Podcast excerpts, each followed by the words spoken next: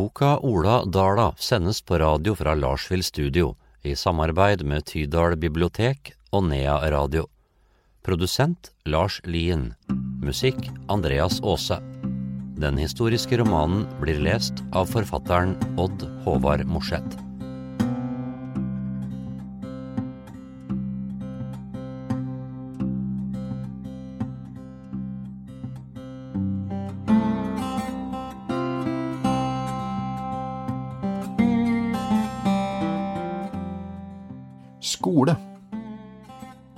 November 1819. Far hadde avtalt møtetid på prestens kontor med klokker Borchgrevink. Han kom med kølass på det første snøføret den vinteren. Han fortalte om møtet med presten da han kom hjem noen dager senere. Han sa at han ble godt mottatt av prestefrua Gjertrud Pauline og vist vei til et lite rom utenfor prestekontoret i første etasje. Han satte seg i en benk bak et lite rundt bord som hadde tente talglys på en kniplingsduk. Han hørte prestens stemme komme og gå bak døra. Etter en stund kom en ung knekt ut fra kontoret. Far regnet med at gutten hadde fått påtale forhåpentligvis fylleri eller uanstendig atferd i gatene. Presten var kjent for å delta i alle typer oppdragersk virksomhet overfor kirkelyden. Så, tilbake til arbeidet, nu med det samme, hadde presten formant.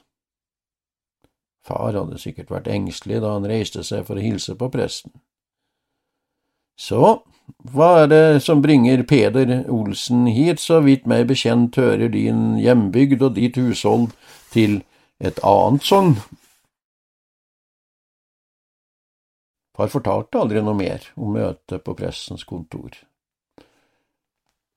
Eller samtalen med presten, bare at de hadde kommet godt overens. Utfallet av samtalen ble likevel snart en virkelighet. Da far kom kjørende hjem fra Røros i kveldsmørket noen dager senere, kom mor ut i fjøsdøra og så glad ut. Det var alltid en fare med å ta seg over snaufjellet i det korte dagslyset i førjulstida. Ola holdt på å hente høy fra løa bar det til fjøsene og stallen. Han tok han om hesten til far, selet av nede i stallsvala og stallet opp. De hadde to hester i stallen nå, etter at Halvor hadde kommet. Etter fjøstid og kveldsmat løftet far fram en aldeles ny bok fra Færaskrinet, et flott skinnbind med gullbokstaver på den brede ryggen. Han hentet fram den store, komplette bibelen som hadde vært i huset siden Ola var liten. Far la de knoklete, brede hendene sine oppå bøkene. De lange armene som var hengslet til de smale skuldrene, stakk ut av jakka. Mor samlet inn grøtfat og sleiver. De satt sammen ved bordet, søstrene Anne, som snart skulle bli sju, og 17 år gamle Ingeborg. Den eldste av dem, Marit, var allerede gift og hadde flyttet til Jungdalen i Jämtland. Fem år gamle Halvor hadde fått som vane å sette seg i benken sammen med gammel Halvor. Mor Anna sto borte ved døra til kjøkkenet med hendene samlet i forkleet. Blikket var fjernt. Nå er vi endelige eiere av kirkens to viktigste bøker her på gården. Prosten hadde fått en forsendelse med nye postiller fra trykkeriet i København. Denne fikk jeg kjøpt etter samtalen vår var over, sa far med høytidelig stemme. Far hadde alltid hatt et mildt drag over ansiktet søndagsformiddagene når han hentet fram Bibelen og leste høyt for dem fra enden av bordet. Da sang de salmer etter at far hadde lest noen bibelvers. Nå var det noe som var annerledes. Ola forsto betydningen av poststilen, grunnboka for kirkeåret med liturgier og bibelvers knyttet til kirkens forkynnelse. Far virket så stolt og hemmelighetsfull da han kikket nedover bordet mot Ola. Tranlampa lyste over bøkene og inn i det bleke, magre ansiktet til far. Den store, buskete barten skjulte trekkene rundt munnen mens han bladde opp i Bibelen. Far leste fra kapittel 16 i Markusevangeliet og holdt deretter blikket festet på Ola. Gå ut i all verden og prediker evangeliet for all skapning, resiterte far fra 15. vers. Det kjentes som om det bare var de to i rommet. Det store gulvuret flyttet tiden taktfast fram med nye knepp. Viseren viste at klokka var over sju denne vinterkvelden. Det var snart sengetid, men far hadde en tydelig hensikt med å holde alle sammen ved bordet. Mor dro fram stolen og satte seg ved siden av Ola. Han kjente handa hennes som strøk ham forsiktig over ryggen. Pendelen i klokkehuset kunne høres bak den smale døra den nådde akkurat veggen på den ene siden av kassa. Ola hadde mange ganger åpnet døra for å se tiden svinge fra side til side. Med et svakt dunk nådde pendelen en liten grop den hadde banket ut i treverket. Slik gikk tiden, mens det tikket i tannhjulene dag og natt. Gulvøret hadde stått der, dunket og tikket, flyttet viseren nesten usynlig rundt og rundt, dag etter dag, helt siden bestefar Ole kjøpte det, lenge før Ola var født. Fra veggen i stua hadde tannhjulene med små, skarpe knepp fulgt alt livet på gården. Det store loddet senket seg så sakte mot gulvet at det hadde vært umulig å se det bevege seg for en utålmodig guttunge. Det var alltid far som hentet sveiva oppe på urkassen og svevet opp loddene. Det var tid for det nå. Den indre kransen, der vekkingen kunne stilles, hadde stått på samme sted så lenge han kunne huske. Hver dag når viseren kom til ved, startet en serie med slag oppe på urverket. Noen hadde forskrekket ment at slik spetakkel kunne vekke de døde. Nå startet tiden å tikke, inne i jorda. Noe dunket mot venstre side i brystet og satte magen i bevegelse.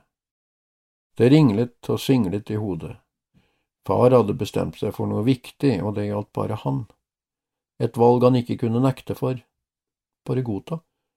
Et valg som skulle gjelde 13-åringens framtid. Det surret i hodet og dunket i brystet den kvelden, lenge etter at Ola hadde lagt seg under fellen i skuffsenga på loftet. Rimfrosten hadde dekket til det meste av de blå-grønne rutene i vinduet ved senga. Han så likevel noen av stjernene på himmelen, hørte vind og snø som strøk langs tømmerveggene og laget rare pipelyder. Han søkte etter et sted der tiden sto stille, på samme sted, natt etter natt, uansett hva som kom til henne. Han lette med øynene etter stjernene, et mønster, noe kjent oppe på himmelen han kunne holde fast ved. Ingenting ville stå stille, til og med stjernene var på vandring.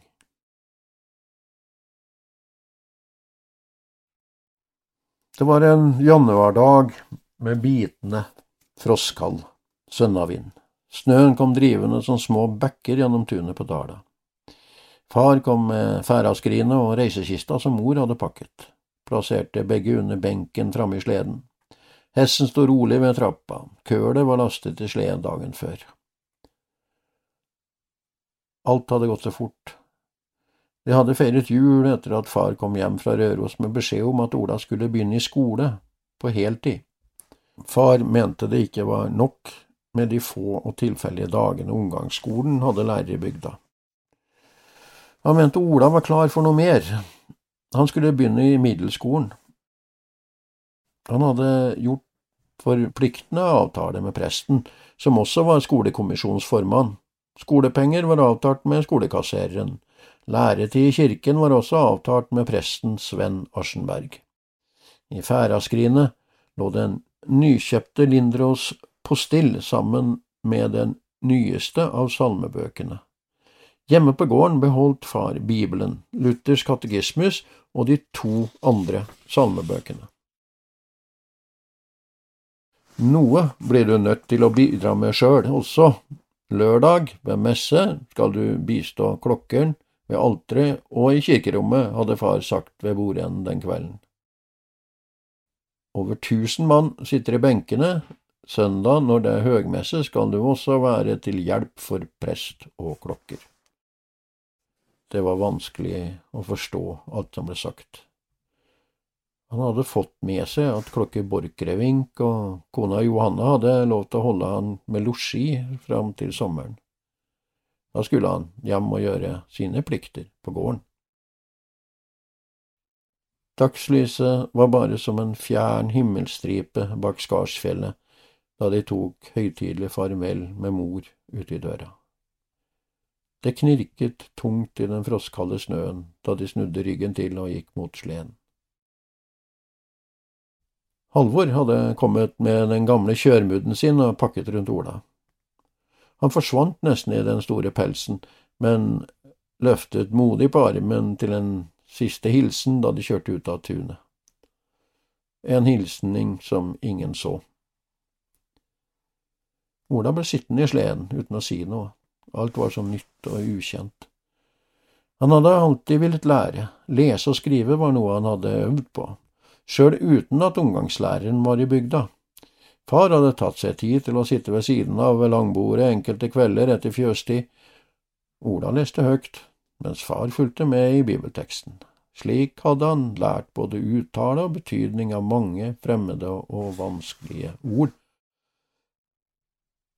Han likte å tegne av de snirklete gotiske bokstavene, særlig de som sto med stor skrift innenfor permene og i overskriften inne i bøkene. Han sørte ikke lenger med blekket og klarte å holde skriften i rette linjer. Det var med stor interesse han hadde lest Gerhard Skjønnings reisebeskrivelser. Dette er den første boken vi har hatt i her på gården, bestefaren din fikk den i gave, hadde far sagt. Skjønning og hans danske reisefølge hadde bodd i husene på gården. Reisen hadde han gjort på oppdrag fra Fredrik den femte. Han var nok like interessert i å bli kjent med Norge som Kristian den fjerde. Det er nok særlig mulighetene for å finne nye verdier og utnytte kongen er ute etter, hadde far ment.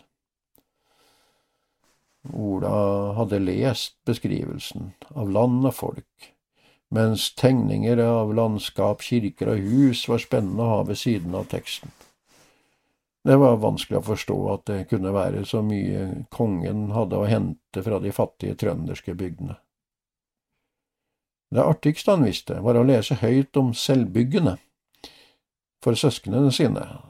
Skjønning skrev at de var skittensomme i motsetning til sine naboer i Tydal. Men de var gode bjørneskyttere, og dertil kom at de spiste de skutte bjørnene. Første delen av sledeturen til Røros gikk over Likkjola og ned liene mot Riasten. Det hadde setevoll der. De hadde brukt å bo i jordgamet ute på vollen, men nå sto det ei bu der og lyste i ferskt furutømmer. De hadde hatt setring her noen perioder om somrene. Om vinteren hadde også gamma vært i bruk, far hadde hogd mye furuskog her og brent til køl. Nå var det lagt opp nye stabler med ved ute på vollen, røstingsved klar for frakt til smelteverket. Far hadde laftet ny setepu, nå ville han bygge jordkjeller, koke hus og fjøs, slik at de kunne bruke plassen som fast sommerseter. Det var for vanskelig å holde beitedyrene borte fra slåttemarka i line hjemme ved gården. Det nye seterskjulet var dekket med snø til langt inn på taket fra nord, men foran døra på langveggen hadde vinden sopt rent. Det var høy i den gisne løa som var laftet opp med klovninger av furutømmer. De fòret hesten og pakket full kurven i sleden med høy. De gikk innom bua for å se til røyskatt og mus, før de satte seg i brisken med surdeigsbrød, mysmør og tettemjølk. Det var Ola som satt med tømmene da de kjørte ned fra Setervollen og utover isen på Riasten. De fulgte landsida nesten ut til Osen. Det nådde synlige kjørespor ved Storelvvollen. Derfra fortsatte de på østsida av Storelva og utover Rien. Vi kjører inn Langvika og tar ut mot Myrmoen i dag. Vi får spørre om losji der i natt, sa far. Han pekte med underskinnsvotten mot ei lav sol som ikke hadde varme. Ola kjente seg innelåst i et ferdaskrin. Alt det han kjente til, og alle de han kjente, var på utsiden, mens han var innelåst. Han kunne bare så vidt skimte sin nye framtid gjennom nøkkelhullet. Far skulle gi nøkkelen til skolemester, klokker og prest. Far hadde planlagt å gi bort eldste sønnen sin til et fremmed menneske. Mor ville ikke lenger være på kjøkkenet når han våknet, eller sitte med håndarbeidet når han gikk og la seg for kvelden. Blakken gikk med lange, stødige steg etter de åpne, snødekte myrfloene mot Aursund. Far begynte å snakke om hesten og hvorfor han likte den så godt. Den var stødig og sterk. Den gikk nesten like fort i skritt som mange andre hester i småtrav. Det var en slik hest han bare kunne snakke til. Den trengte aldri høyrøstes kjeft eller kraftsalver. Blakken gjør alltid sitt beste, bare kjørekaren kan jo gi beskjed. Skal du bli dyktig kjørekar, må du lære deg å snakke med hesten, ikke til hesten, som de fleste gjør. Det er først når du har lært opp hesten med god temming at hesten begynner å lære opp deg. Det er da du får mest ut av alle kreftene som bor i en slik skrott. Peder holdt inne en stund før han fortsatte. Det å forstå hverandre gir alltid det beste resultatet. Det er slik du lærer når du har levd en stund. Ola visste ikke hva han skulle si der han satt med tømmene. Var det slik far var? Han kjente at det lå en større sannhet bak ordene. En sannhet Ola ikke klarte å få tak i. Ordene ble hengende igjen et sted inni den iskalde skumringen mellom rimfrosne bjørkelegger.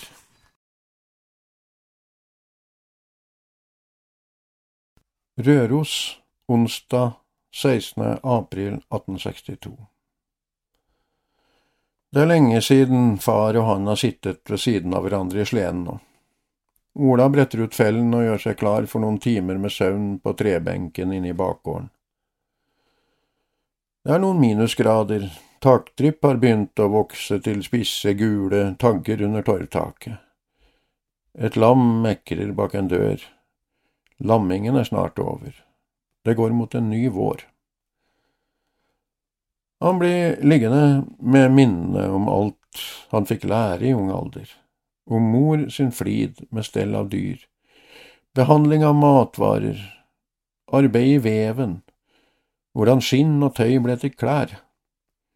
Tid med far i åndarbeid, skogsarbeid, lasskjøring og kølbrenning.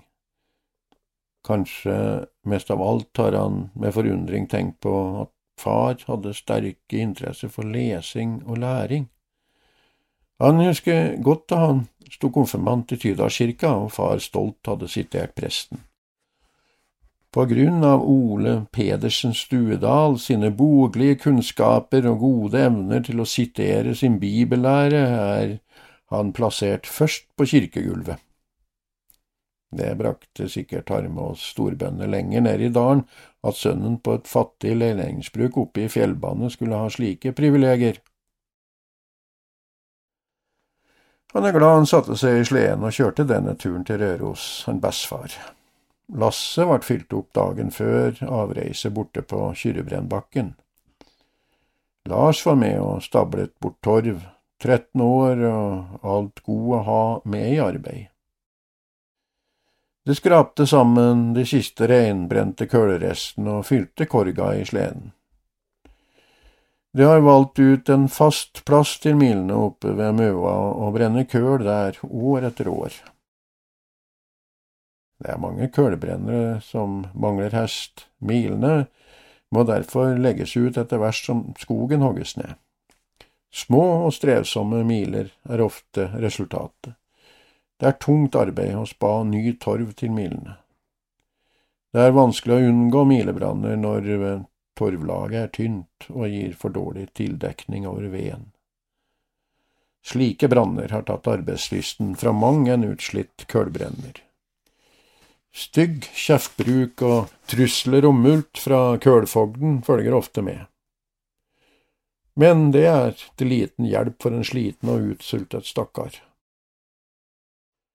Kølfogden har vært fornøyd med inspeksjonen av Sola. I mange år har han tent milene uten å måtte vente på kontrolløren. Tømmeret kan de frakte unna bakke og ut på de flate myrene. Tidligere fløtet de også tømmer med vårflommen nedover Møa. Framme på mileplassen ble tømmeret kappet, kløvet, stablet og dekket til med torv. Nå er det lite furuskog igjen i dalen. Tømmer til laft av hus er det ikke snakk om å finne. Den gode skogen har tatt slutt. Valget er tatt.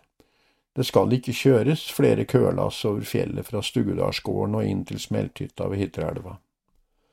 Ola kjørte siste lasset. Da han tippet kølkorga ved hytta i dag, var en epoke over. Han er femte og siste generasjon med kølebrennere på gården. Helt siden Peder Ellefsen kom til gården, har furuskogen år etter år gått i bakken. Nå er det snart 200 år siden Peder kom fra Hølonda som første brukeren på Dala og leverte stableved til gruvene oppe på Gruvfjellet. Det var kortere frakt dit, men kruttet kom tidlig i bruk i gruvene på Røros. Minnene har trengt seg på. Ola snur seg i fellen. Han er kald på beina varm under trøya, urolig til sinns. Det er slik han har hatt det i mange netter nå. Tankene svirrer og går og vil ikke slippe søvnen til. Kanskje er det slik det er å være enkemann. Han kjenner seg alene med ansvaret for ungene.